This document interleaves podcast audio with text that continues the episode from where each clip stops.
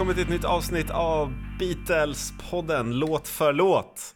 Där vi har kommit fram till det magiska avsnittet där vi ska prata om A Hard Day's Night. Ja, Hej Jens! hej! Hej hej, hur mår du? Ja, men jag mår bra. Vet du vad som hände idag för 52 år sedan? Nej, vad hände idag? Då släppte John Lennon och Yoko Ono Unfinished Music Number 2 Life with Lions. Hur mycket Life with the Lions, hur mycket har du lyssnat på den skivan genom åren? Ja, men det brukar bli eh, några gånger per dag Ja. i bilen, så sätter jag på den bara på repeat. Ja, nej, men den är ganska bra faktiskt. ja, nej, det är, det är väl när man kollar genre, så, eller genre, så är det alltid som avantgarde och noise. Ja, Och det är 50 minuters noise. ja. Eh, Men den släpptes idag eh, för exakt 52 år sedan. Något annat som, eh, vi brukar ju prata lite nyheter och så, vad som hänt i Beatles-världen. Mm. Och där finns det ju ett, en annan skiva som John släppte, mycket tillsammans med Yoko också, var ju Plastic Ono Band. Ja, shit vad den har varit eh, omtalad nu. Mm, den har ju släppts i en eh, ja, ny remasterad version med, eh, ja, jag vet inte hur många låtar det är på den. Ja, det är sjukt alltså. Jag har lyssnat igenom alla spår. Du har gjort det? Jag var tvungen att göra det nu. Shit. Ja. Ja. ja, det är starkt det var jobbat. sjukt, eh, ja den var sjukt häftig. Men det är ett riktigt nice, de har paketerat det riktigt bra. Med eh, Sean Lennon har ju varit med och också gjort små animeringar till Mm, Spotify. det. så man kollar på det på Spotify, eh, eller spelar musiken där så får man också som en liten visuell story kring en liten figur som blir representerad i alla låtar. Så det är verkligen eh, ett familjebygge det här släppet. Ja. Det är liksom pappa Lennon som, som sjunger och spelar på skivan och så är det frugan och sonen som har varit med och nu paketerat om det och släppt det. Ja, jag lyssnade på en intervju med, med Sean. Han pratade om, om de där eh, animeringarna som han, som han hade gjort då, som påminner lite om, Mm. om Johns egna teckningar och så, utan att kopiera helt. Ja, verkligen. Eh, ja, nej men det, man önskar man kunde så här argumentera mot att man inte har råd att köpa allt det här som släpps med att Ja, men du det är var också- du- gjort. Du Men- brukar ju alltid vara sugen på att handla sådana här boxar och, och sånt där. Ja, jag vet, men eh, jag, alltså, ja, jag har försökt hålla lite i pengarna. Det, när man väl börjar, då, är så här, då inser man att okej, men jag måste köpa två versioner av den här. För att i den ena, då får man inte med den här affischen som jag måste ha. Eh, Ja. Och då är det kört. Så lägger man liksom 2000 på det och sen så släpps det någon ny version om ett halvår. Ja. Men eh, det var ju bra, det var ju väldigt fint att lyssna på eh, de här nyremasterade versionerna av, den, av låtarna på den skivan som, som är riktigt bra. En, en, verkligen en skiva som känns naken och avklädd. Ja, det känns ju som att den, den var ganska, alltså min uppfattning efter att ha liksom läst om den och när man hör också de här nya typ dokumentärspåren där man får liksom höra typ Ringo och John snacka i studion eller Ringo och Klaus och John sitta och snacka om låtarna. Mm. Det känns som det var ganska anarkistisk uppbyggnad av skivan, att de bara körde lite grann liksom. Ja, Eh, och det är skithäftigt att höra det här i riktigt bra ljudkvalitet. Ja, en intressant grej de hade gjort där också, det var att de hade klippt ihop eh, liksom till ett spår flera tagningar av samma låt, så man kunde, Ja. så man i samma spår utan att behöva lyssna på en hel tagning kunde höra hur låten utvecklades. Mm. Eh, det tyckte jag var väldigt roligt eh, take. Mm. Eh, Ja, det så, var grymt. så kan det ju vara lite grann på eh, Anthology-skivan och ja, även om man lyssnar igenom bootlegs, men det, det kan ju vara Mm. ganska segt. Både du och jag har lyssnat igenom så 150 versioner av eh, Two of Us typ. Men eh, Ja, ja, det blir lite tråkigt. eller eh, Obladi Oblada. Ja, det blir lite segt till slut. Men eh, det, här var, det här var intressant. Lite mer lättsmält på något sätt. Om du får eh, säga en, en topplåt från Plastic Ono Band, vilken är Det favoritlåten? går inte att säga något annat än God. Den, eh, Ja, det den är är så Det är- fruktansvärt bra. Alltså. Otrolig låt alltså. Så Ja. sjukt otrolig låt. Och där är liksom, det är Ringo på trummor där också, vilket gör det ännu bättre. På något sätt. Mm. Att han, Ja, den är, den är, den är helt sjuk faktiskt. Det är verkligen att han eh, ja, men stänger, stänger boken för 60-talet och Ja. eh, ser sig själv som en slags självklar gestalt i 60-talet samtidigt som han vill bara säga ifrån sig allt ansvar och bara Mm. bli en vanlig person och kunna gå vidare. Ja, Eh, och det, jag tycker det är så intressant att det, om det här var, när kom den här 69 tror jag? 70 var det va? var det 70 till och med?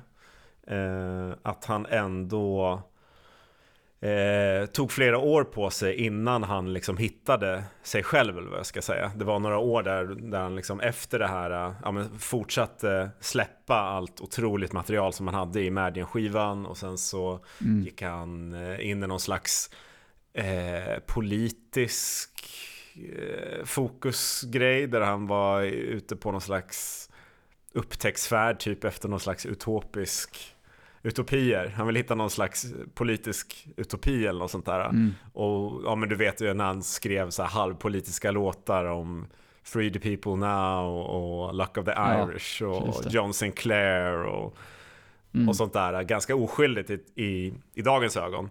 Men att det var inte sen för var väl 75 när han verkligen tog en break. Det var väl då som han på riktigt bara blev John liksom.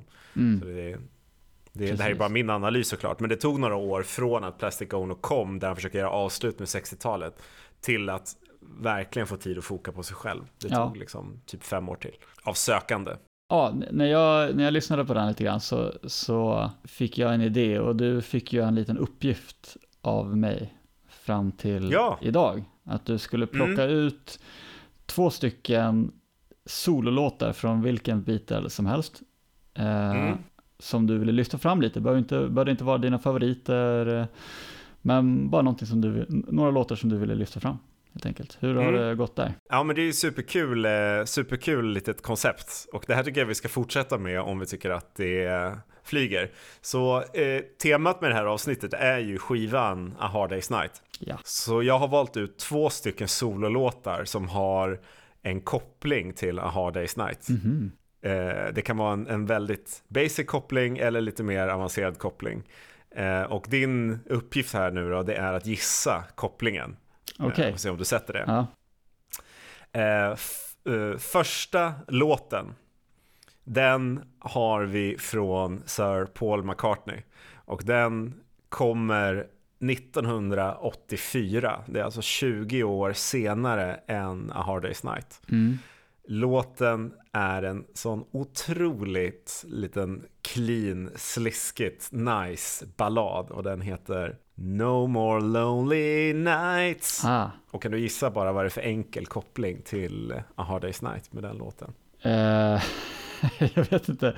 Okej, så den ligger ju som eh, typ första spåret på Give My Regards to Just Road det. Street. Just det, just det, just det. Som ju också är En musikal. ett soundtrack. Ja, Ja, ett soundtrack till en just film. det. Mm. Det var sista inspelningen men på, till den här liksom musikalfilmen eller vad vi ska säga som han gjorde där han själv spelar med som ju han har sagt i efterhand alltså den vart ju sågad som fan Mm. filmen tror jag eh, och jag har sett stora delar av den och den är ju asdålig och Ja. Paul har väl sagt att han bara ville känna att han fick lite uppmärksamhet och typ få bli sminkad och liksom kul att filma lite grann liksom eh, och ehm, låtarna är ju liksom befintliga spår, men Mm. just eh, No More Lonely Nights skrevs som liksom en, eh, ett originalspår för, till soundtracket.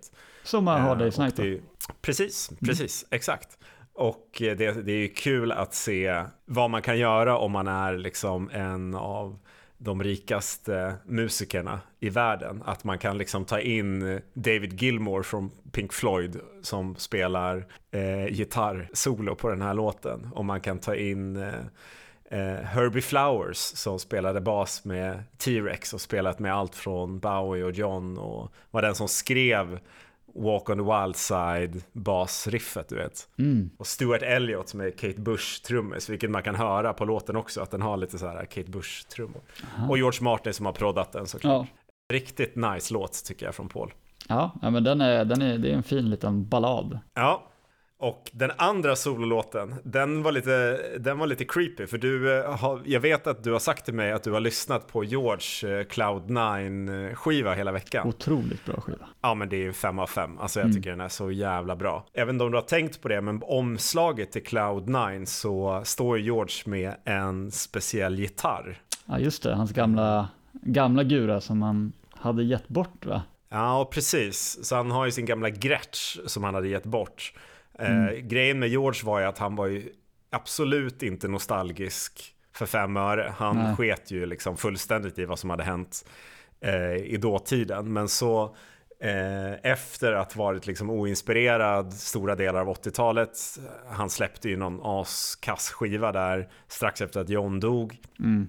Så tog han en liten break på fem år, men så träffade han ju Jeff Lynne från Electric, Live, Electric Light Orchestra Yes. och fick som en ny nytändning och eh, kunde för första gången på jättelänge börja se tillbaks med liksom glädje på Beatles-åren. Mm. Och då bland annat få tillbaks den här första gitarren som är på omslaget ehm, som han spelade in de första liksom, två, tre skivorna eller något sånt där med. Mm. Men låten jag har valt från Cloud9 det är Fish on the Sand Ja, som jag tycker är så sjukt bra. Då kommer då min fråga här. Nu har du har fått en liten ledtråd i det jag har sagt redan angående gitarr. Men vad är det för koppling mellan låten Fish on the Sand och A Hard Day's Night? oj, okej. Fish Ja, den är svår. Ja. Kommer du ihåg hur den går? Tänk dig gitarrriffet. Yes, var kommer den gitarren ifrån? Ja, vad är det? Ja, eh, hmm. Ska säga. ja säg. Jag kommer inte på. Det är alltså samma Rickenbacker som han spelar där som Mm. är samma Rickenbacker som spelar det episka introt i A Hard Day's Night. Det Aha. första ackordet på skivan. Det är Mm. samma gitarr som han också lyckades få tag i. Så Ah, okej. det kan man tänka på när man lyssnar på Cloud9 att det är det här distinkta 12-strängiga gitarrspelet. Mm. Det är den Mm. gitarren som skulle bli liksom signifikant för A Hard Day's Night och ja men de hade väl samma gitarr några skivor framåt sen också. Ja, precis. Eh, Ticket to Ride är väl en annan låt som, som Ja, precis. har det där precis. soundet. Liksom. Ja, men har man men- inte lyssnat på Har man inte lyssnat på Cloud9 så kan vi verkligen rekommendera den. Var, den vart ju en, liksom, en succé och framförallt um, Got My Mind Set On You, When We Was Fab, Devil's Radio som vart liksom supersuccé-singlar. This is Love, ja precis. Där vi har Eric Clapton såklart som spelar gitarr. Elton John, hyra in Elton John som studiomusiker. Mm. Och även Jim Keltner som också då spelar på Plastic Ono Band som vi precis pratade Mm. om. Så det är en riktig dröm, dröm line-up och det var ju också det här som sen gav en George inspiration att dra ihop Traveling Wilburys tillsammans med Jeff Lynne efteråt. Så att Cloud9 är en superviktig skiva ur Beatles perspektiv för det var ju också sen Jeff Lynne som var med och eh, eh, drog ihop hela Anthology-projektet med Free As A Bird och eh, Real Love. Ja, det var bra. Bra låtar. Ja, eller hur? det var... Shit, det är, nu, nu kommer ju mina låtar här, det kommer inte vara eh, det kommer framstå som att Ja, jag, jag var slapp här. Tog i från tårna här. Ja, verkligen. eh, ja, Plastic Ono Band, när, när jag lyssnade på den så fick det mig att eh, eh, vilja göra en eh, spellista igen, ska jag säga. Jag har gjort flera sådana spellistor med, med, de här, med de bästa sololåtarna. ja. Och eh, då satt jag och lyssnade på massa sololåtar. Och då av, någon, av en slump liksom, så, så lyssnade jag på Here Today med eh, Ja. Paul McCartney som, som är Pauls eh, hyllning till, till John då, efter att han dog. Och Som vi har hört eh, live, Exakt. åtminstone två gånger ja, precis. Och efter den låten, utan att jag cuear den med flit eller sånt där, så kommer George Harrisons All Those Years Ago. Ja, häftigt. Som är George hyllning till, till John.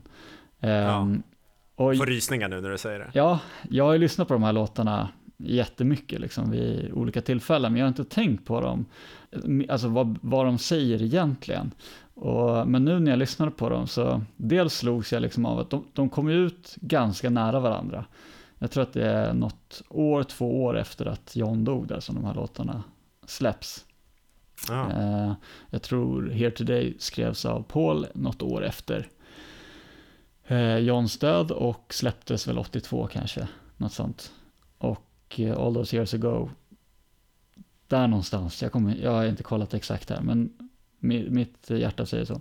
Mm. Och jag slogs av texterna, att de verkligen säger någonting om hur olika deras relationer var med John. Alltså Pauls eh, låt Here Today, som han skrev, eh, han skrev den som en hyllning till John från början, har ju en väldigt, eh, ska man säga, ja, mjuk text. Alltså den, den, eh, den är väldigt talande för deras relation på så sätt att Mm. han, att han Eh, ja, men han sjunger bland annat eh, You'd probably laugh and say that we were worlds apart eh, if you were here today. Alltså, den är väldigt talande Mm. för deras relation, hur de, hur de hade en nära relation och troligtvis tyckte väldigt mycket om varandra, men de sa det aldrig. Och nu i den här Nej. låten så säger han det, I love you. Och han har sagt i Mm. intervjuer efteråt att eh, när han satt och skrev det där så, så var det så här, ska jag verkligen, ska jag verkligen skriva det här liksom? Men, men att det kändes rätt. Eh, och det, vi har pratat lite om deras relation genom podden hittills, men det var väl ingenting man sa till sina killkompisar, I love you liksom. Eh, när man Nej, kom från... framförallt inte på 60-talet när Nej, man kom från Liverpool. precis. Nej. Och det är väl också lite så här, men det här önskar jag att jag hade kunnat säga till honom. Men den, den speglar deras relation väldigt bra. Man kan nästan läsa mellan raderna och i texten eh, hur deras relation var, vad, ja, att, att Paul liksom insåg med tiden att eh, jag, jag älskar honom liksom. Det är en, Mm. Ja, vi var väldigt nära, men där och då, när, under, under tiden båda levde, så, så var det ju tävling om vem som skrev de bästa låtarna och sen vart det en relation som vart, eh, ja, eh, vad, vad säger man, lite naggad i kanterna efter Beatles uppbrott där, som de fick, Mm. ja, som de ändå lappade ihop, eh, ja, hyfsat bra innan, innan John tyvärr dog då. Och sen Mm. lyssnar man på George låt, All Those Years Ago, som han från början skrev till Ringo eh, och gav till Ringo. Men eh, Ringo kunde inte sjunga den, det var för hög tonart. Ja. och den hade han väl skrivit till Ringo innan John dog. Men sen dog John, Ringo ville inte ha låten och då skrev han om texten. Och den texten är i sin tur väldigt eh, talande för, för George och Johns relation. Där, där, där George bland annat sjunger I always eh, looked up to you. Ehm, Mm. som den yngsta i Beatles liksom, så såg han ju upp till John och ja, ha- han, eh, han sjunger ju om att, eh, att han, man, man förstår att George alltid såg upp till, till John i texten, att så här, ja men, ehm, you point the, tru- the way to the truth when you said all you need is love, liksom. Att han, Mm. ja, han såg alltid upp till, till John och han och John spelade ju in skivor tillsammans sen också. Ja men precis, de, de hade ju liksom en mer okomplicerad eh, relation till varandra. Ja. Och jag tycker det, man märker det också så tydligt i bara Imagine-filmen. Ja, men precis. Eh, hur, hur glad John blir när George ehm, kommer in liksom i Mm. Ja. Eh, bara, George! Ja, precis. Och, Och, bara sen, erbjuder eh, någon frukost och grejer. Ja, skitfint. jag tycker bara att, eh, liksom, nu är ju, eh, nu är ju som sagt låten, den är ju, melodin är ju skriven eh, tidigare då. Men den, Mm. den är ändå mer glad på något sätt än vad Here Today är. Here Today är väldigt Mm. känslosam och, och liksom lite ty- tyngre, om man ska säga, medan George låter mer, ja men lite så här, på ett sätt sentimental men också osentimental, alla George. Liksom. Mm. George var ju, ja men, eh, life flows on within you and without you. Ja men verkligen, som vi sa tidigare, han, han eh, var ju den mest onostalgiska Ja, av dem alla. så, nej men eh, det är ju två jättefina låtar som jag verkligen kan rekommendera alla att ta och lyssna på. Mycket bra, mycket bra låtval, Jens. Mm, Vad kul. Ja, Till nästa avsnitt så får vi tänka ut två nya sololåtar. det ska vi göra. Nu går vi in på skivan då kanske. Ja men det kan vi göra. Eh, och vad är det för skiva vi ska prata om idag då? Det är Eh, den tredje skivan, A Hard Day's Night, en eh, ja, klassi klassiker det här också. Med ett väldigt igenkänningsbart omslag. Men vi kanske ska börja med att eh, prata om liksom vad, vad kommer de ifrån? När vi lämnade Beatles sist så nämnde vi som snabbast att eh, fokuset var att ta över USA. Precis. Ja, men jag kan dra lite, lite story här vad som händer mellan With the Beatles och uh, A Hard Day's Night. Var befinner vi oss i tid liksom? Ja, With the Beatles den släpps ju den 22 november 1963, alltså förra skivan som vi pratade om. Mm. Och A Hard Day's Night, den släpps 10 juli 1964, så det, det är ungefär, vad blir det, sju månader däremellan som, som självklart är sprängfyllt med massa grejer eftersom vi pratar Beatles tidiga år. Mm. Efter, efter With the Beatles släpptes så gjorde man 37 spelningar i England fram till den 12 januari 1964. Eh, då man drog över till Frankrike och Paris och gjorde där, ja, mellan 15 januari och 4 februari 21 spelningar, varav en i Versailles.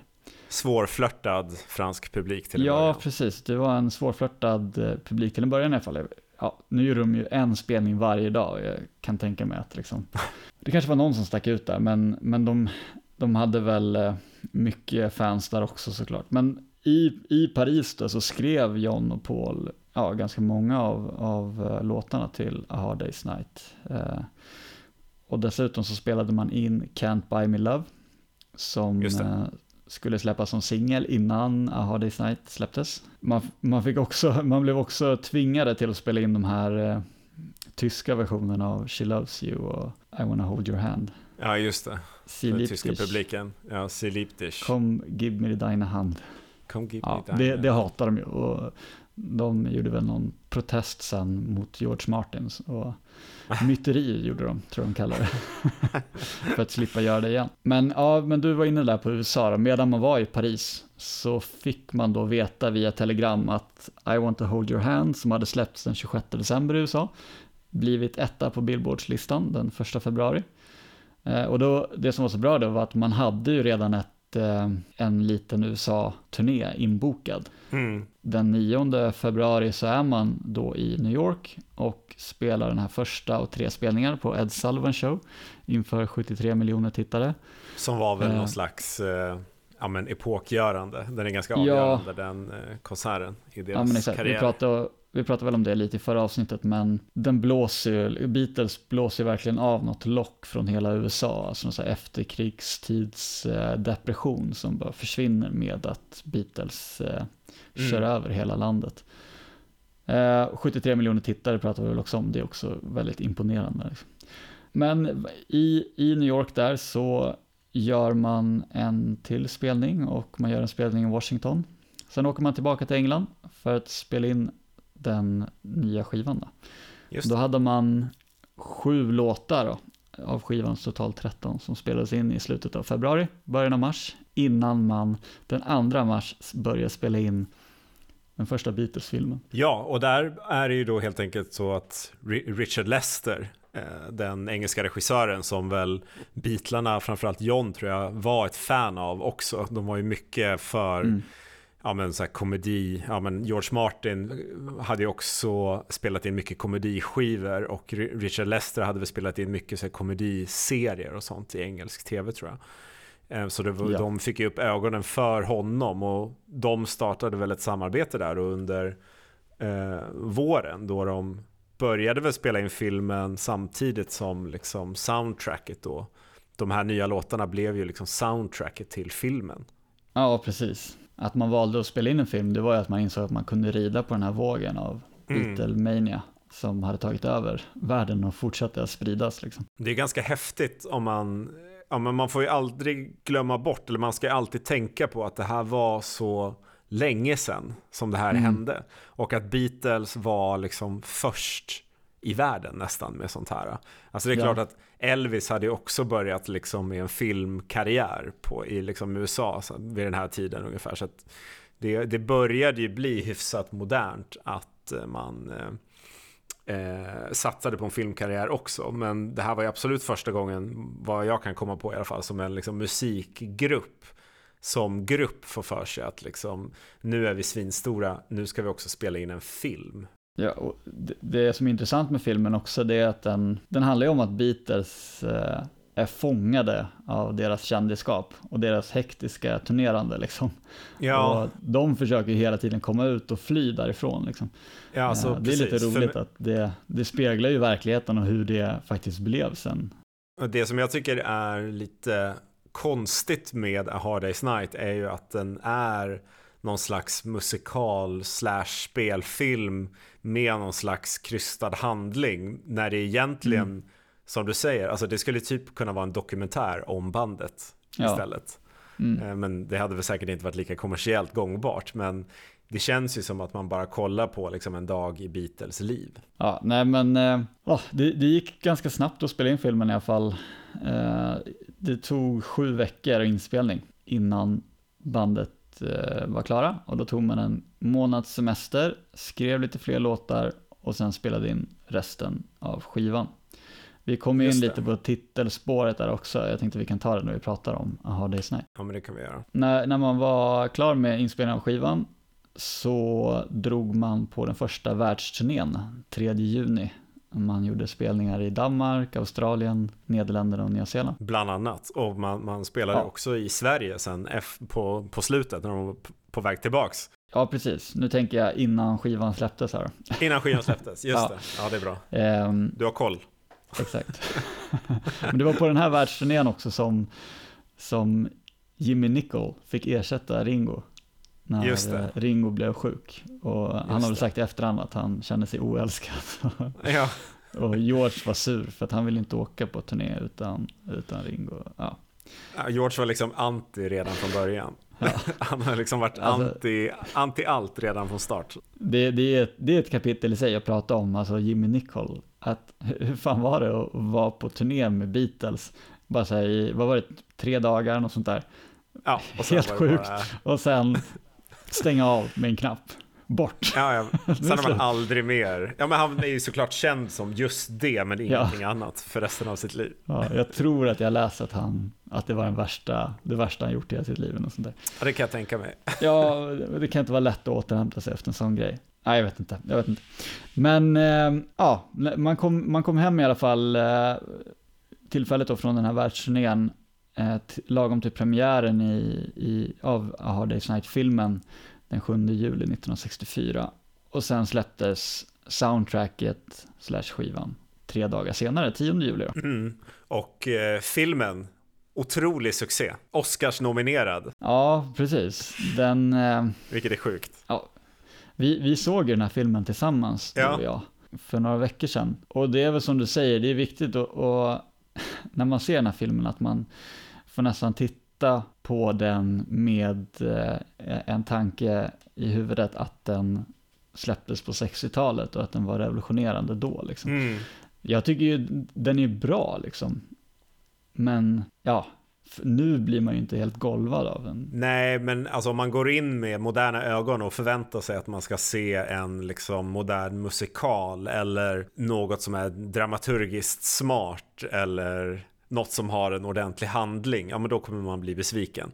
För det Mm. handlar ju verkligen om liksom Ja men Beatles, en dag i Beatles liv där de liksom springer från fans, förflyttar sig i olika taxi och tåg och grejer eller bilar eh, presskonferenser, spela in tv-framträdanden och sen så har de liksom tryckt in Pauls morfar eller farfar eller vad det är som någon slags Ja, någon sak, någonting som ska vara en, någon, någonting för handlingen. Jag vet inte vad syftet med han Ja. i filmen är riktigt. Ja, jag vet inte heller, men det går säkert att hitta analyser av, av det, för att den här filmen har ju blivit jätteanalyserad i efterhand. Ja, och som sagt, den, är ju, den vart ju också hyllad i pressen då, och som sagt Oscars nominerad och Ja. Hard Day's Night-låten vann ju en Grammy och Mm. eh, jag tycker, men för mig så är det liksom som, man är alltid svältfödd på Beatles material. Så alltså att bara få Mm. se typ eh, när de snackar i filmen. Som jag har fattat Mm. det så Richard Lester spenderar ganska mycket tid med att liksom bara lyssna på hur Beatles pratade för att manuset skulle bli så naturligt Ja. som möjligt. Liksom. Det tycker jag man märker också i eh, Ja men du, du vet de här klassiska scenerna i filmen där de har någon så här presskonferens där det bara går ut på att de ska säga skämt hela tiden, precis som de gjorde Ja. på riktigt när liksom Mm. Ring- Ringo säger typ I'm a mocker och, och Mm. sånt där. Liksom. Som han tydligen har sagt på riktigt i någon presskonferens. Ja men säkert. Har jag läst. Ja, Ja. ja. men du ser. Ja men visst, de, eh, jag tror till och med Lester eh, fick en fråga sen från, eh, från USA om, om de inte kunde överdubba filmen med amerikanska accenter. Ja, eller lite mer Men att- neutral dialekt. Ja, precis. Men att det hade ju Paul McCartney tror jag det var, hade lackat ur. Ja, men han hade ju sagt något typ om, om om if we can understand the fucking people from Texas eller något sånt där. Ja, Så kan de förstå vårat liksom Liverpool-slang. ja men ja, man måste ju titta på den här eh, filmen med text, annars får de inte med. Nej, Men eh, när man ser på den nu och man känner till Beatles så då är det svårt att sätta sig in i hur det var på den tiden. För då hade ju inte, det var ju inte alla som hade sett hur Beatles var. Alla hade ju inte sett alla presskonferenser eller intervjuer med dem. Liksom, det var ju ett helt annat eh, eh, ja, tekniskt klimat i världen. Var inte att man Mm. kunde gå in på YouTube och titta på saker. Utan men så så när folk såg det här och såg deras kaxiga attityder så, ja men de, de skämtar med den här, när de sätter sig i den här tågvagnen så är det den här gubben som Ja, säger att han, I fought in the war for you och något sånt där. ja, ja. De skiter i det liksom, de bara kör. Eh, och Ja, det var verkligen. väl lite uppfriskande liksom att, Ja men det gjorde ju dem bara ännu större. Den här filmen är Mm. ju ett jättebra jobb att liksom promota Beatles och bara mm, här kan vi bekräfta att det här är liksom det coolaste som finns i hela världen. Det här är något, Ja. det här är nå- något nytt som ni aldrig har sett förut. ja men vad kan man mer säga om skivan då innan vi går in på låtarna? Vi pratade ju om Robert Freeman i förra avsnittet eh, som Mm. de fick kontakt med som började knäppa, knäppa deras omslagsbilder och jag tycker att det här omslaget är ett av mina absolut favorit eh, Beatles skivomslag. Men jag kan inte Ja, så mycket verkligen. om historien bakom det mer än att man får se i filmen liksom när de knäpper Mm. kort på dem när de tar olika miner. Jag vet inte, har du mer koll på liksom historien bakom omslaget? Nej, bara att de, de tog bara de där fotona och så la de ihop dem typ till en, en ja, till en, ett collage liksom. Det är ju väldigt, fil- alltså det är ju väldigt liksom bokstavligen talat en film. Det är filmceller Ja. som är på Mm. omslaget till filmsoundtracket. Men eh, det, det är ju första skivan då med bara egna kompositioner. Ja men precis. Och endast John och Paul-kompositioner också. Inga, ingen eh, George-komposition på den här skivan tyvärr. Då. Han skrev ju en låt som, som heter You know what to do. Mm. eh, som blev ratad eh, eh, till den här skivan. Man kan väl förstå det kanske. Jag liksom, ja. Men det är man har ju hört ganska, den på ja men precis. Anthology till exempel. Ja precis, you know, den finns ju med på Anthology om man vill, om man vill höra den. Men som du säger, det är bara John och Paul spår och det är bara 13 spår. Det här är ju liksom den kortaste skivan de har släppt hittills. Och tidigare har ju Mm. alltid varit 14 spår på deras skivor. Ja. Ehm, så den, den Så det kanske beryktade... var, det kanske, George låt kanske hade den 14 platsen där, men Ja, platsade inte. Ja, Precis. Ehm, jag tycker att det är häftigt att se John hur eh, vilken kraft han hade under den här tiden. Alltså man får tänka han var, 24, Mm. han var 24 år gammal och skrev eller sjöng på liksom en majoritet av alla spår. Ehm, han, har, han har sagt själv om den här tiden att eh, eh, It comes and goes. I can't believe it goes away forever. But you can never be 24 again. You can't be that hungry twice. That can never, never be. Så jag tror han var ganska imponerad av sin egen liksom, kreativa förmåga också under den här perioden. Ja, men han, eh, han var ju såklart frontman för bandet på ett sätt här. Även om det är intressant att Paul ändå får första singeln. Ja, och vilken... Can't Buy Me Love. Ja, vi ska ju prata mer om Can't Buy Me Love eh, om Ja. ett tag, så jag, jag ska spara mig. Men Ja. ja, det är verkligen intressant. Och sen också, som du säger, George har ingen låt, men det har inte Ringo heller. Inte ens Nej. Ringo förbarmade dem med ett sångnummer. han fick några eh, han fick några covers att sjunga sen på, eller någon cover på den här EPn som släpptes sen som vi Ja, just det. Ja. Eh, men ja, nej, men det sista man kan nämna att, som, som är intressant om, om skivan är att det markerar ändå i stort sett slutet på det här face to face skrivandet av låtar mellan John och Paul. Det här med Just att de satt mitt emot varandra och skrev. Utan nu gick det över till att de mer skrev eh, själva och sen tog texter till varandra som de ja, kunde komma med tips på såklart. Mm. Eh, eller att de, eh, som i till exempel eh, A Day in the Life senare då, Paul har en bit som passar in i Johns låt, eller Ja, eh, i I've got a feeling när John har en bit som passar in i Pauls låt. Så det här med att man skrev eh, tillsammans tog väl slut här, helt enkelt. mm. jag tycker det är intressant det, det vi pratade om tidigare om John och Pauls förhållande, att det var ju liksom det var ju tävlingsinriktat men det var på något vis också ur perspektivet liksom vad är bäst för bandet. Så att det var ju absolut att de ville ju personligen liksom tävla och säga kolla vilken jävla briljant sång jag har skrivit. Men är det så att den kunde bli bättre på något vis av att någon annan Mm. la till något så var de ju aldrig egoister utan det var ju liksom den slutgiltiga produkten som var det viktigaste ändå. Ja, men ska vi gå in på sida A då? Ja, vad kul. Vi börjar med sida A på A Hard Day's Night och ja, det är ju spåret också, A Hard Day's Night. Ja, eh, skivan kickas igång med eh, det mest diskuterade ackordet i pophistorien och kanske ja, ett av Beatles mest kända eh, ljud. Ja, jag skulle säga att de har, de har ju några sådana här, du nämnde ju Ticket to Ride tidigare också. Det finns ju några sådana här liksom eh, histo alltså historiskt är ju rätt ord här. Några sådana historiska händelser i pophistorien Mm. och introackordet till A Hard Day's Night är väl ett sånt. Det finns ju YouTube-videor som går igenom alltså vad det är för olika instrument som spelas. Så det är ju inte bara ett instrument då. Nej, Utan det är Paul på bas och det är George på den här 12-strängande gitarren som vi pratade om. mm. Det är John på akustisk gitarr och Ringo som smackar lite på en trumma. Mm. Och sen har George Martin lagt på någonting också om jag inte minns fel. Ja, så det, jo, eh, piano har han lagt på. Mm. Det är ju en rivstart på skivan Ja, och eh, den här är ju även med i filmen också. Och det var ju att de ville ha en, en riktig rivstart som jag sa på både filmen och på skivan. Ja, precis. Och det var väl så att låten spelade, eller kom väl till ganska sent i filminspelningen. Så att de hade väl ifrån början så skulle väl filmen heta Beatlemania. Eh, och det Mm. kan vi också nämna att den heter ju Yeah Yeah Yeah i Sverige och Tyskland exempelvis.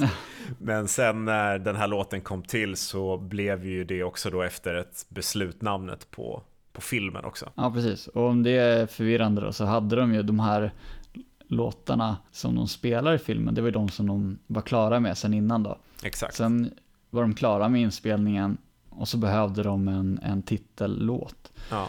Ja, namnet på titellåten då. Det finns ju massa olika historier om hur det kom till, men den eh, mest vedertagna är väl att eh, titeln yttrades av, av Ringo Mm. efter en lång dag av filmning. Den 19 mars 1964 så ska han ha sagt eh, It's been a hard day och sen kollat ut genom fönstret och sagt Night. Mm. Ehm, och så plockade bandet upp det eh, och det blev liksom ett talesätt under inspelningen. Men faktum är att det finns ehm, i den här, eh, vad heter den här boken som John släppte in his own right va? Mm.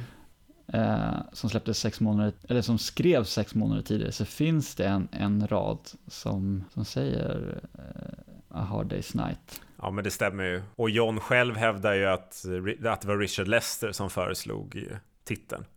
Eh, Mhm. Och jag Ja. tror att efter då att ha hört Ringo säga det. Eh, men Mm. att Paul då såklart säger att det var Beatles som bestämde det tillsammans. Ja men eh, jag läste vad Paul, vad Paul har sagt och det känns så otroligt Paul. Ja, Så att han ska berätta om saker, då är det alltid att man, de satt i en cirkel. Exakt. Och så, sa, och så sa Ringo helt plötsligt, It's been a hard day's night. ja, Och så kollar de på varandra, vad sa du nu? ja. Ja, ja så det, det är Pauls historieskrivande det. Så sanningen ligger väl någonstans mitt emellan allting, Mm.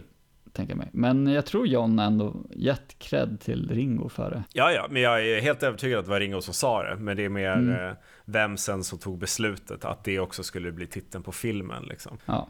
Men eh, så de bestämde då att den ska heta A Hard Day's Night. Och eh, då var ju John snabb med att säga att den här låten ska jag skriva. Ja, ja. Eh, för att han kunde inte leva med att Paul skulle skriva vad som skulle bli den andra singeln till, till den här nya skivan och soundtracket och, och filmen. Så det, det gick ju inte för sig.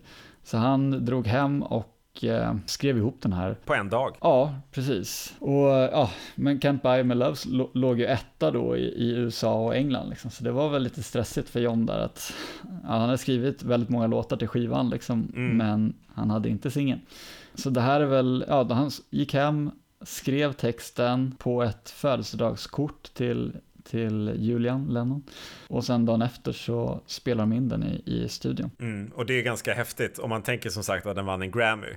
Om man tänker på arbetet mm. bakom den här Grammy-vinsten var mindre än 24 timmar. ja, det är sjukt. När, den dagen de spelade in den så blev John upphämtad av en journalist som heter Maureen Cleave. Eh, som hämtade upp John i taxi och intervjuade honom på väg till Abbey Road. Då hade John melodin i, i huvudet till A Hard Day's Night. Mm. Och så hade han texten där på födelsedagskortet. Och då fick hon läsa texten. Och hon har då sagt i efterhand att hon fick ändra en, en textrad. Tydligen gick låten When I get home to you, I find my tiredness is through. Hon tyckte mm. det var lite såsigt. Eh, så John ändrade det till when I, when I get home to you, I find the things that you do will make me feel alright. Och sen kom han till studion då, hummandes på melodin, och sen tre timmar senare hade de spelat in låten. Ja, det är lite sjukt. Eh, och vi, eh, vi, vi ska ju nämna, nu har vi redan pratat om såklart inledande eh, ja, men ackordet och eh, hur det var uppbyggt av ja, men framförallt George gitarr. Och den här gitarren mm. fick han ju när de hade varit där i USA tidigt 1964. Eh, han fick yes. ju den av liksom grundaren till Rickenbacker.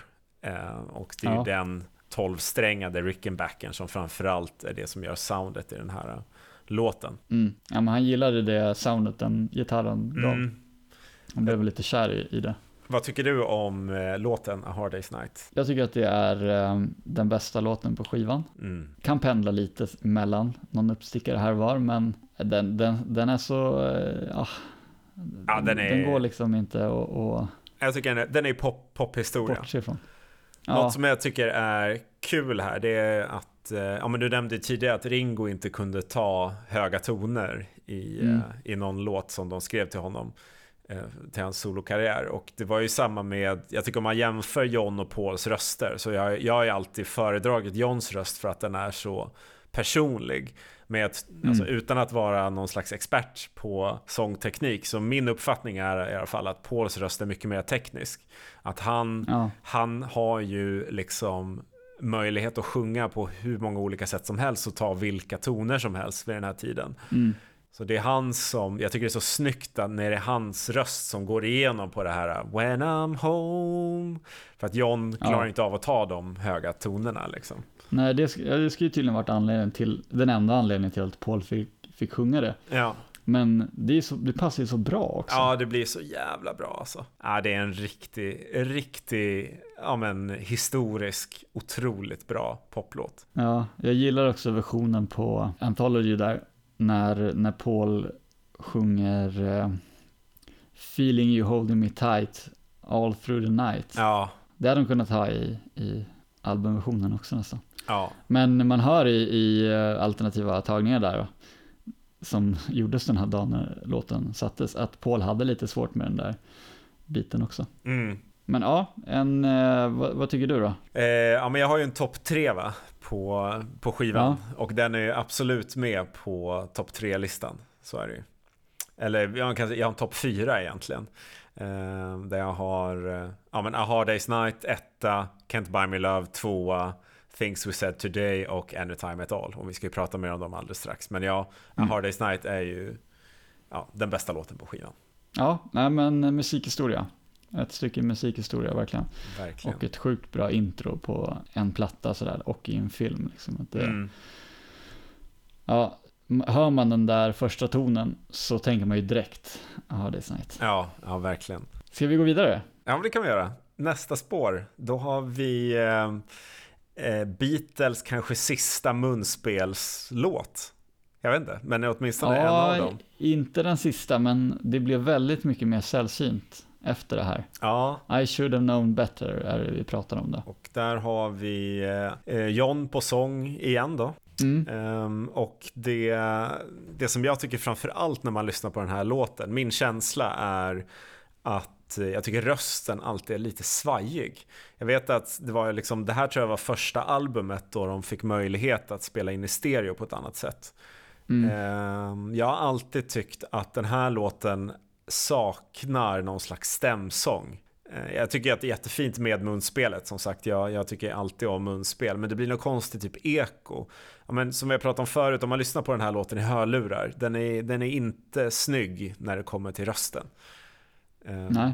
Men, men i övrigt okay. så tycker jag att det är en kanonlåt verkligen och det är väl kanske det mest klassiska framträdandet eh, de gör i Hard Day's Night-filmen där i godsvagnen. Mm. Eh, där de spelar den här eh, och där Patty Boyd också är i, i publiken, George. Just det, George framtida flickvän. Ja, exakt.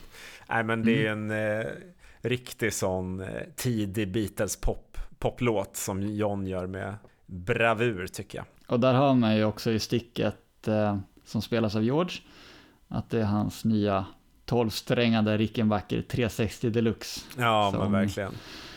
Som skapar det här speciella ljudet. Och den här låten skrev John då i, i, januari 1964 i Paris. Och den ska vara tydligt inspirerad av eh, Bob Dylan.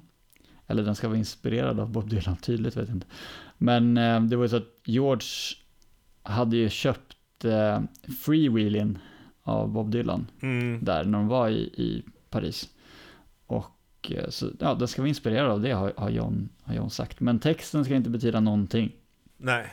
Men när John säger så, så jag vet inte om man alltid, man ska kanske inte ta det helt seriöst heller. Jag tror att det går nog att hitta något självbiografiskt i många av de här låtarna som ja, så, så är det verkligen. är helt betydelselösa. Det där är ju verkligen John 1980 när han fick frågor om gamla mm. låtar. Man ska alltid komma ihåg med ja. John att han var väl, även om man inte tror det, så han var väldigt privat och när det kom, kom, kom till känslor. Och mm. eh, det har ju många spekulerat i, både liksom Paul och eh, ja, med Cynthia och, och sådär om alla de här tidiga låtarna som Lennon liksom avfärdar jämt som bara liksom mm. crap eller bara något ja. som en utfyllnadslåt. Det finns något uns av det finns, det finns alltid något uns av sanning i även de ja. här små låtarna. Mm. Men ja, det, det, är en, jag tycker att um, ja men, A Hard Day's Night, I Should Have Known Better och sen nästa låt som vi ska gå in på, If I Fell, är en kanonstart på den här skivan. En riktig pangstart. Mm. Så ska vi prata lite om If I Fell då. Ja men det kan vi göra. Jag, jag håller inte riktigt med dig där. Jag tycker att det är en ganska dålig låt alltså. Nej. Uh, nej. Jag tycker inte den är jättebra. Alltså så här, Stämsången är oemotståndlig. Det går inte att komma ifrån, ja. som alltid. Den är helt otrolig. Men det märks ju att det här var liksom Johns första ballad, balladförsök, eller vad man ska säga. Ah, jag, är, mm. jag är inte superimponerad av den här. Nej. Uh... Vad, tycker, vad tycker du? ja, men jag tycker den här är superfin. Ah. Det, det, den, är, den är lite unik den här låten. Att mm. Dels så är det den ackordtätaste låten dittills av Beatles. Och sen att den inleds med några rader av, av eh, John. Och sen resten av låten stämsång där Paul, han har väl nästan första stämman där om ja. jag inte tänker fel här. Och jag kan, jag kan lyssna på den här låten och bara lyssna på Johns stämma, så försöka hitta den i spåret liksom. Ja, stämsången är magisk. Enligt John själv så var det hans första försök att eh, skriva en ballad. Mm. Och han jämförde den lite med In My Life som kommer, som kommer senare. Då. Ja, men de har väl samma, de startar väl med samma ackord typ tror jag. Ja, lite, ja, i alla fall harmoniskt då. Mm. Sen kanske man kan koppla lite till, eh, koppla den lite till Help också, att den föregrep den låten också. Ja, ja men verkligen. Det, det var ju en sån tidig, ja men som vi precis sa, att eh, det fanns alltid något personligt i de här uh, låtarna. Mm. Och här var det ju också ett tidigt försök att försöka uttrycka ja. så, sårbarhet. Liksom. Would you help me understand? I've been in love before but I found that love was more than just holding hands. Mm. Det är mm. ganska simpelt men ändå ganska talande. Liksom. Mm. Det är lite roligt i filmen att, att John sjunger den här riktat till Ringo. Ja, det är, nog, det, det är så ett konstigt moment. Han bara tar upp en gitarr helt plötsligt och så bara stirrar han ja. på Ringo och börjar sjunga den här. Jag kan tänka mig att det var Johns idé typ. För att ta bort lite av den här, Seriositeten. ja precis. Mm. Um, sen har Paul McCartney sagt att folk inte tänkte på, eller kring John som att han var balladtypen, men han hade en varm sida han med. Ja, ja men verkligen. Och nästa spår på skivan, det är ju George då, den låten som han får sjunga på skivan. Eh, Mm. Och det är ju I'm happy just to dance eh, with you. Ja, Jag tycker att det här, alltså det är en okej låt, men det är en väldigt basic text. Framförallt om man jämför med ja, men både Hard Day's Night och eh, de första tre låtarna. Så är det verkligen Mm. ganska enkla rim, men, men framförallt man märker att George är ju väldigt sugen på att spela gitarr och att han har fått inspiration med den här nya gitarren. Så jag, jag tycker verkligen att gitarrspelet genomgående är svinbra på den här eh, låten. jag tycker den har ett skönt gung det här. Alltså, dun, dun, dun, dun, dun. Den har Mm. bra flow, men ja, nej men det är ingen superlåt. Och den, den här låten skrevs ju då också av John eh, med lite hjälp av Paul till George. Eh, Paul har väl sagt att den, den skrevs som, ja, men som en flört med, med fansen, men att han och John kände att ja, men de inte ville sjunga sådana låtar själva. Nej. Så gav de den till, till George. Och sen så, eh, jag läste också att det här körandet i bakgrunden där, oh, Mm. oh, oh, Oh. det skulle de ha lagt in för att maskera att, att George inte riktigt kunde hålla tonen. Ah. Men jag tycker roligt nog att det är en av höjdpunkterna i låten. Ja, jag tycker också det är skönt. Eh, Jag tycker det, som vi sa tidigare, hela den här skivan är ju lite kortare än vad deras tidigare skivor var. Framförallt för att den bara har 13 spår istället för 14 spår. Mm. Men varje låt i sig är ju också väldigt kort. Den här låten Ja. är en minut och 56 sekunder. Så den är ju väldigt Mm. kort jämfört med liksom en standardlåt idag. Men det finns väl inte så mycket mer att säga om den, utan jag tycker att vi går vidare till And I Love Her. Mm, här får ju, eh, precis, här får ju Paul då ta första stämman och sjunga. Ja. Och jag, jag tycker att det här är en skitbra låt måste jag säga. Den har någon slags spansk vibe eller något sånt där från George Mm. eh, när han spelar akustisk gitarr som är skitbra. Jag tycker att den här är bättre än If I Fell. Ja, det tycker jag också. Jag tycker att eh, texten är också riktigt, riktigt eh, snygg. Som sagt, jämför liksom texten på den här med I'm happy just to dance with you. Det här är Mm. någonting helt annat. Ja, jag tycker den här är Mm. riktigt Och ändå bra. så ska Paul ha skämts lite över, över den här texten senare. Är det så? Han ska uttrycka att, ja men det här Bright are the stars that shine, dark is the sky. Han tyckte det var lite såsigt, men jag tycker det är ganska fint. Jag tycker det är jättefint. Jag tycker det är verkligen liksom för att vara från, eh, ja men hur gammal var han här? Han var nu född 42 typ. Alltså vad, vad är han? Ja. 22 år här. Knappt. Mm. Han hade inte ens fyllt 22 och skriva sådana här saker. Jag tycker det Mm. är häftigt. Ja, han, han hade ju inlett en relation här med Jane Asher, Ja. som skulle bli en, i- eller som skulle influera många av hans bidrag till låtskörden framöver. Så den här låten skrev han till henne och ja, men det är en ganska enkel låt, men den sticker ut för de trixar lite med melodin där liksom. Mm, Det är det som skapar den här, det här lite magiska soundet tycker jag. mm. Ja, men, Den, den sticker ut den här låten tycker Mm. jag, på skivan ändå. men håller du med om att det är en jäkligt bra låt? Ja, gud ja. Jag tycker den här är svinbra. Eh, det är absolut på min topp tre på skivan i alla fall. Mm. Det, det är intressant också, man kan lyssna där på Anthology 1-skivan, att det här började som låt med alltså, full elförstärkning och trummor. Just det. Ja, lyssnar man på det nu, det, känns, det låter ju helt fel. Det låter så här, men nej, det är något, det är något konstigt. Och det insåg de väl själva också. Nu Ja. säger jag det med facit i hand liksom. Men de hörde väl att nej men det där, eh, det finns en annan höjd i den här låten. Och så gjorde de den mer akustisk och så, ja, så blev den så här fin. Mm. Det, det, tog, 16, eh, det tog 16 tagningar att sätta, sätta låten för att den var så pass komplicerad. Och de flesta av de här fick avbrytas för att man spelade fel. Mm. En grej som sticker ut är ju George eh, solo. Ja. jag tycker är superbra. Alltså även kompgitarren från, från John är superfint. Mm. Ja, men eh, George gör ett liksom kanonjobb på den här. Alltså framförallt George är ju så underskattad eh, på den här skivan. Det är lätt att bara prata mm. om, om John och lite Paul, men det George gör med den här nya gitarren och bara gitarrspelet generellt på den här skivan är ju liksom på en helt annan nivå än vad det var på With the Beatles. På den här är dock inte den sexsträngade vad tror jag? Uh, nej, men på den här så kör han bara en vanlig akustisk gitarr väl? Ja, exakt.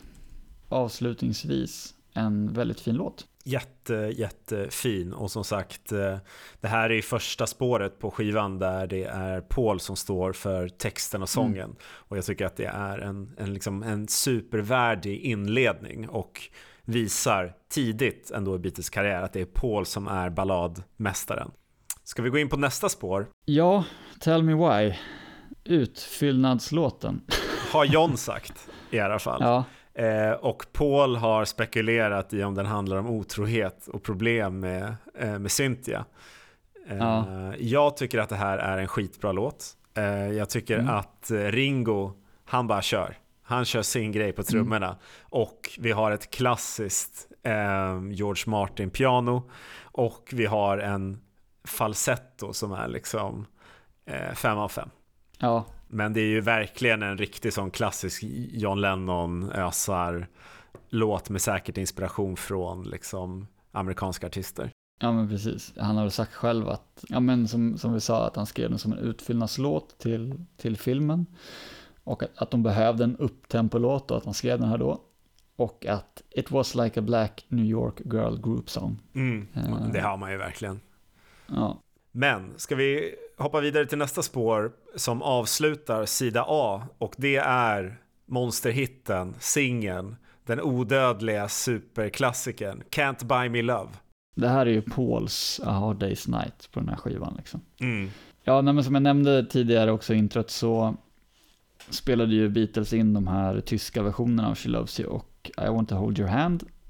Och som avslutning på den eh, inspelningsdagen så spelade man in eh, Can't Buy Me Love som Paul hade skrivit bara några dagar tidigare. Ja men precis, så det här är, det här är liksom den första låten som är inspelad till projektet A Hard Day's Night. Mm. Eh, en grej som jag tycker är, som jag aldrig riktigt har fattat här är att eh, varför avsluta den här A-sidan istället för att börja B-sidan. Då skulle man ju ha mm. liksom varsin världshit som första spår på båda sidorna. Det kanske fanns någon anledning till det, det vet jag inte. Det är väl att A-sidan eh, är bara låtar från skivan va? Eh, från filmen. Intressant. Can't Buy Me Love är den sista låten på första sidan eh, och, eh, och det är för att eh, de här spåren på sida A är de som är med i filmen. Exakt. Eh, och det är ju en superhit som sagt. Det var den första singeln som släpptes. Sålde över 2 miljoner ex i USA första veckan. Mm. Ehm, jag tycker Can't Buy Me Love för mig är en sån här uh, odödlig låt som är liksom större än Beatles som grupp. Det finns ju liksom vissa grupper som är kända för en låt. Och det här är ju en sån låt. Ja. Um, egentligen så skulle Beatles bara kunna ha släppt den här låten i sin karriär och liksom varit kända för, för alltid. Ja, nej men eh, den har ett sånt där klassiskt, ja, man eh, tänker verkligen på Beatles när man hör den. Den har så klassiskt Beatles-sound, om man ska säga. Mm. Um, de, den, eh, ja, den repeterades knappt utan den satt på fyra tagningar. Liksom. Så att, ja, och den är ganska enkel också som, ja, som superenkel. låt. Det finns en mm. cover av Ella Fitzgerald faktiskt. Som man kan ja, lyssna på. Um, och när hon gör den speciellt så hör man att den har lite så här gammeldags sound i sig. Mm. Och Paul Wav tyckte väl det var liksom den största äran som gick att ja, få. Att Ella Fitzgerald sjungit en av hans låtar. Mm. Och där, förutom det vi pratade om tidigare då, att ja, här plockar Paul hem titel, eller första singeln från, från nya skivan då, och hur det måste mm. känns för John, så är det också första Beatles-singeln där det bara är en Beatle som, som sjunger. Just det. om man ska säga vad man tycker är bra i den här låten så tycker jag att alltså det är ett riktigt so bra solo igen från George. Ja. Um, det är uh, väldigt fina trummor också från Ringo. Och Paul gör, uh, gör så bra han kan i sången. Um, men uh, om man ska lyssna på den här låten så tycker jag man ska lyssna på versionen från den här Number One-skivan som släpptes. Finns på Spotify. Den, den, låter, okay. den låter bättre. Mm, bra tips. Mm. Och sen finns det också eh, den här versionen som finns på Anthology. Mm. Den är också lite trevlig att lyssna på. Den har ingen dubblerad sång. Eh, Paul sjunger fel några gånger. Men, ja, men den är, ja, det är väl en av de tagningarna, fyra tagningarna. Mm. Som, eh, ja men den är trevlig. Men jag vet inte, vad, vad mer kan man säga om den här låten? Mer än att det är en, en jäkligt bra låt. Ja, nej men jag tycker det är ju tillsammans med Hard Day's Night och eh, två andra spår som vi kommer att prata om strax att eh, det är ju liksom topplåten från, från skivan och det är ju så fint på något vis att både John och Paul fick liksom varsin super super hit verkligen. Mm. Ja, det är två starka singlar från ja, skivan. Alltså. extremt starka singlar. Och det här är en sån låt som, som Paul också har sjungit mycket, kan jag tänka mig, liksom, i sin solokarriär också. Ja. Ska vi eh, vända på A Hard Day's Night-skivan då och kolla på sida B och eh, första spåret där som heter Anytime at all.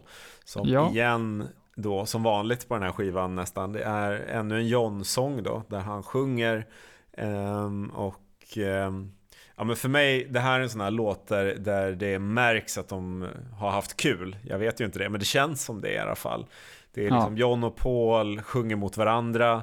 Deras röster matchar varandra så sjukt bra. Eh, George får till några riktigt snygga grejer på gitarren. Ringo håller liksom ihop dem som, eh, som grupp. Eh, och jag tror John själv har liksom liknat den här låten med en ny It Won't Be Long. Som ju är min favoritlåt en av mina favoritlåtar från With the Beatles. Mm. Så det här är ju som en slags uppföljare på It Won't Be Long liksom. Och jag, jag, tycker den är, jag tycker den är skitbra.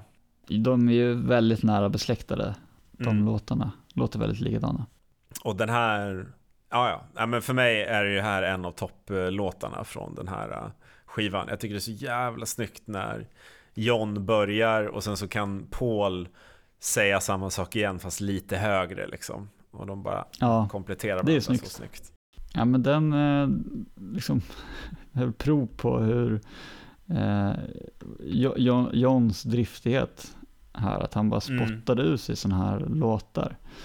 Mm. Eh, och ja men som sagt, den låter lite som några andra låtar kanske, men den ändå, jag tycker ändå att den står stark själv. Alltså. Men just mm. det du säger om det här med hur Paul svarar, det, det tycker jag gör låten. Mm, ja men jag med. Men vi går vidare kanske? Ja, men det gör vi. Och det är eh, en total kontrast eh, enligt mig från Anytime At All. Och det är I'll Cry Instead. Som ja. Eh, absolut inte är någon favorit. Jag skulle säga att det här är kanske en av de svagaste låtarna på skivan tycker jag. Ja, men jag kan hålla med. Det är liksom ännu en sån här uh, broken love, problem med kärlek-sång. Min analys är att det är John igen som försöker på något vis vara ärlig. Att han liksom är någon slags kändis som eh, har tappat möjligheten och friheten som yngre. Eh, jag vet inte. Men eh, jag tycker den är lite gnällig. Ja, det tycker jag också. Um, nu kommer jag på att tänka på en grej här. Undrar om inte den här låten är med i filmen? Nej, jag tror den, skriv, den, den skrevs, skrevs till filmen. Till men, filmen men den fick aldrig vara med. Nej, den fick aldrig vara med i filmen. De valde Can't Buy Me Love istället tror jag. Ja, och det var tur det. Men det är därför den är så kort, den skrevs till filmen. Den är bara en, en minut och 44 sekunder lång. Mm. Det var väl regissören där som gillade Can't Buy Me Love mer och valde den istället. Kan man mm. undra hur John reagerar. Han kanske inte blev så sur. Han kanske visste, eller insåg att det här inte var en jättestark låt. Den är också lite så här konst, alltså texten är ju lite misogyn också. Alltså. Ja, ja, ja men det är ju verkligen, eh, så här var ju John. Ja. Liksom. Så är det bara, han var inte världens bästa människa. Han var ju liksom en ganska oskön man. eh, periodvis. Mm. Och det här, den här låten ger ju lite uttryck för det. Ja, Eh, Men också det här att han eh, Ja men det är så svårt att veta med John. Liksom ibland så är, är han avundsjuk, är han svartsjuk, Mm. är att han själv liksom är blyg. Ehm, ja det är inte alltid helt lätt att förstå honom. Han var ju inte en, en enkel person direkt. nej precis. Men med det sagt så blir ju texten lite intressant på grund av just det, att den känns lite självbiografisk på något sätt. Mm. Att han sjunger I don't wanna cry when there's people there I get shy when they start to stare I'm gonna hide Mm. myself away But I'll come back again someday Mm. Sen Men fortsätter ju åt ett annat konstigt håll då. Ja, ja, verkligen. Men det här är också så typiskt John att det är så här på något vis är jag kränkt, men liksom tro mig, jag kommer komma tillbaks och då Mm. jävlar. Det, det är Då alltid det, den aspekten Hide all the girls. Ja, ja. ja, men den är lite besläktad med Run for your life från Rubber Soul som är lite åt samma, samma håll. ja, just det. Och så många andra låtar John höll på med på den här tiden. Ehm, men du, nästa låt på skivan, det är eh, Things We Said Today. Ja. Pauls eh, eh, bidrag som enligt min personliga åsikt är den här plattans bästa låt utöver Can't Buy Me Mm. Love och eh, A Hard Day's Night. Jag tycker att det här är en svinbra låt på den här skivan. Och George eh, gitarrspel. Oj, oj, oj. oj. Mm. Nej, men jag gillar, jag gillar också den här låten och eh, inte minst på grund av att eh, eh, på grund av texten som är lite, ett litet bevis på en utveckling eller ett prov på utveckling. Eh, även om är med det här kärleksbudskapet så, så skriver han Love is liksom- here to stay and that's enough. Ja, man skriver ju nutid men texten är nostalgisk. Alltså någon gång i framtiden kommer vi komma ihåg vad vi sa idag. Liksom. Mm. Sen är det, det är lite illabådande melodi och kanske text också. Och det här handlar ju också då om eh, Paul och Jane Ashers relation. Kanske hade han på Mm. känn att det, det var på väg att skära sig. De levde väldigt olika liv. Mm. Han skrev den här låten när han semestrade på Bahamas med, med henne i maj 1964. Han skrev den i en, i en hytt under däck på en yacht som de var på. Just det. Paul gick ner när det var fest, gick ner själv, skrev en låt. Och bara det är ett tecken på att han ville bort därifrån festen. Han pallade inte Ja. vara med henne och hennes kompis. Nej. Jag vet inte. Nej, men det var en dålig, olycklig kärlek som, Ja. som gav bra låtar Väl, verkligen. Ehm, jag har en teori här Mm. eh, som jag inte kan backa upp med mer än känsla och det är att band som Hollies, Birds och Searchers Mm. förmodligen var lite inspirerade av soundet här eh, på den här låten. Jag tycker det liknar väldigt mycket, ja, men framförallt tidiga Hollies som kom också Mm. samma år som det här. Ja, Ja, riktigt bra. alltså låten har ju ett väldigt effektfullt stick som Ja. gör att ja, men det lyfter hela låten tycker jag. Och det Ja. använder de väl sig av i, i flera låtar, Beatles. Babies in Black, Every Little Thing She Does, um, I Don't Wanna Ja. Spoil the Party. Mm, Lyssna på dem så kommer man höra, förstå vad vi menar. Mm. Det, jag, jag, tycker, jag håller nog med om att det här är efter A Hard Day's Night, Can't Buy Me Love och kanske And I Love Her. Delad tredje plats med And I Love Her kanske. Och det är som alltid respekt till Paul. Han fick inte jättemycket solutrymme på den här skivan, men där han tar plats så är det liksom de bästa låtarna på skivan också. Ja, men han visar med de här låtarna tycker jag att, eh, eller eh, John fattade nog att eh, jag måste nog steppa upp. Kan man säga något mer om Things We Said Today? Mm, nej, inte mer än som du sa tidigare, sticket är magiskt. Ja, nästa spår, When I Get Home. Ehm, det är ju en låt som inte bara har koskälla i låten. Han sjunger även en väldigt så här lantlig textrad, John. Love you till the cows come home.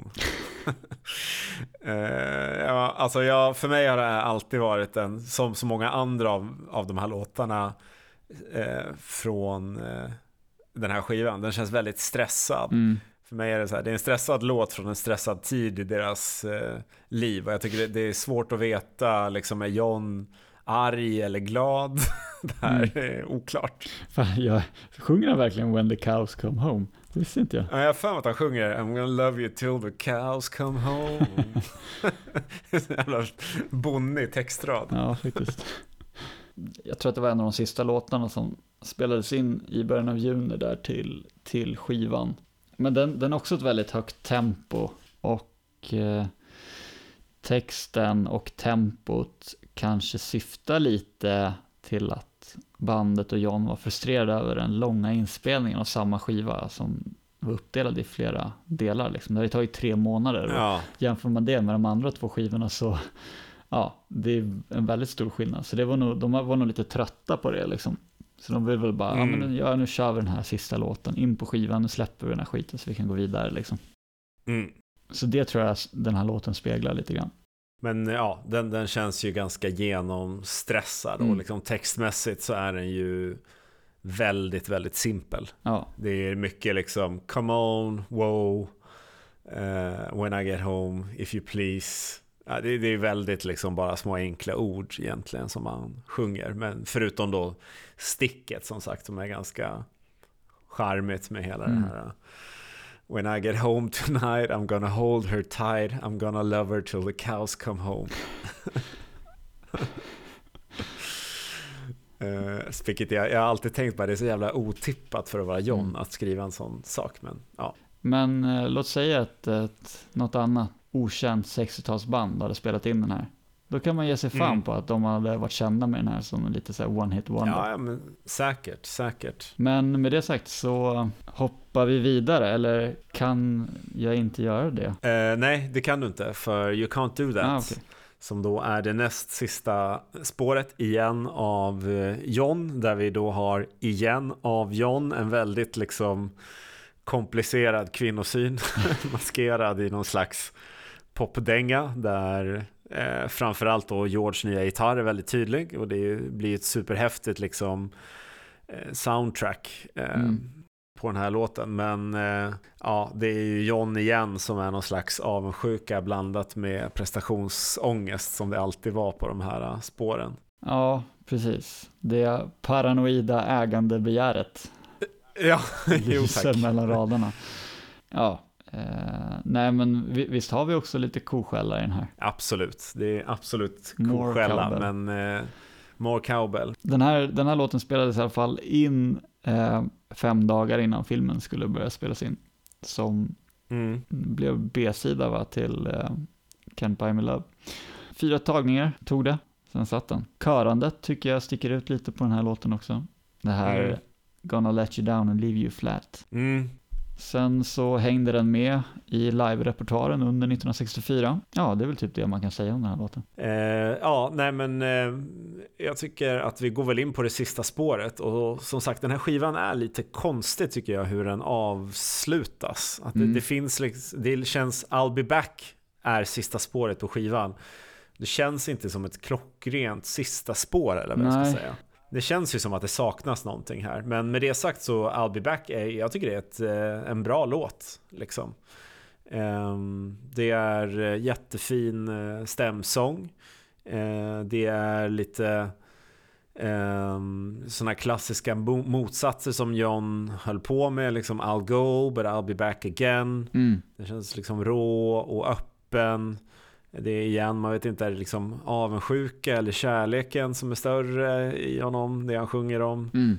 Um, ja, men jag, jag, tycker att det är en uh, fin, fin låt, ja. men kanske inte en klockren avslutning. Nej, precis. Ja, men jag håller med. Det, de tidigare skivorna avslutades med en bang, en riktig bang. Mm. Liksom, och det, gör en, det här är ju inte en sån låt. Liksom. Egentligen kanske de skulle tryckt in uh, typ Long Tall Sally från EPn sen, kanske. Ja, något sånt. John har ju själv sagt att eh, den här låten var en bearbetning av ackorden i Del Shannons Runaway. Du vet den här. Just det. As I walk along. Mm. Ja, den innehåller ingen refräng. Däremot två bryggor, så lite mm. speciellt upplägg. Det finns en demo på Anthology. Mm, den tycker jag är, den är ganska rolig att lyssna på. Eh, det är två versioner på Anthology som du säger. En demo är ju rolig för John har ju problem med facetten där. Ja, precis. Som är ganska skoj. Man, man hör också i, i Take One där att eh, låten från början var skriven som en vals. Mm. Men det, ja, de versionerna på Anthology är roliga att lyssna på. It's too hard Mm. to sing. Exakt. Ja, nej, men det är skivan. Mm. Alltså, soundtracket till filmen A Hard Day's Night, den är bara 30 minuter, 13 spår, så det går ju liksom undan. Eh, Mm. Det var en hektisk period i Beatles liv och det eh, visar skivan också. Ja, men visst. Men det är ändå häftigt. Alltså det här är ju, det känns som varje skiva de släpper här är ju ändå bättre än den förra. Mm, ja, men det tycker jag. Jag tycker ju att A-sidan sticker ut. Den är bättre än B-skivan. Ja, ja men verkligen. De kunde ju så här i efterhand, nu igen, nu var det här ett filmsoundtrack så det Mm. blir inte samma sak tänker jag. Men så här i efterhand hade man velat bara fokusera på det här som en riktig skiva, då hade man ju eh, lyft in en låt till och sen så Mm. hade man ju mixat om A och B-spåren lite så att de hade blandats upp Ja, på ett bättre sätt för den blir lite obalanserad. Men sida B har ju ändå eh, jag tycker det är nice att liksom de, de fyra bästa spåren det är ju liksom singlarna på sida A och sen har du Anytime at all och Things We Said Today. Så det blir liksom en John-låt och en Paul-låt på varje sida som är de bästa spåren. enligt dig. Enligt mig. Ja, Ja, nej men eh, eh, summerat en väldigt bra skiva. Och eh, som vi var inne på förut då, så under de här första två skivorna så släppte de ju singlar som var superbra som inte hamnade på skivorna. Som She Loves You och I. Wanna Hold Your Hand. Men i det här fallet Mm. då så hamnade båda singlarna på skivan. Så därför har vi inte riktigt några, några singlar och B-sidor att prata om efter här. Utan det sparar vi vi sparar, vad sparar vi? Vi sparar ingenting, men vi kör nästa avsnitt istället. Eh, Mm. Men det kommer ju ut en EP som heter Long Tall Sally EP. Eh, som släpps strax efter att skivan, nej innan va? 19 juni släpps den här EPn. Eh, som innehåller tre stycken covers och en egen komposition vid namn I Mm. Call Your Name. Eh, Övriga låtar är då Matchbox, Long Tall Sally och Slow Down. Och de tre låtarna pratar vi inte om idag. Och kanske aldrig gör heller. Men eh, I Call Your Name är ju ändå en, en egen komposition, så den kanske vi ska säga någonting om. Och jag säger så här, alldeles för mycket koskälla. Ja, de hade ju en, och jag vet John, det är kul för John har ju också påpekat det här i de här klassiska intervjuerna från 1980 där de frågar om de här låtarna. Ja, Att han säger ju någonstans att det, liksom, det var väldigt mycket cowbell Ja. på den här tiden. även den är, den, när man lyssnar på den här låten i hörlurar så är det, man har en cowbell inne i hjärnan som slår liksom. Ja, det skär. Och det är liksom tyvärr när man väl har hört den där cowbellen för första gången, då är det det enda man kan Det fokusera går på. inte att höra någonting annat. Nej.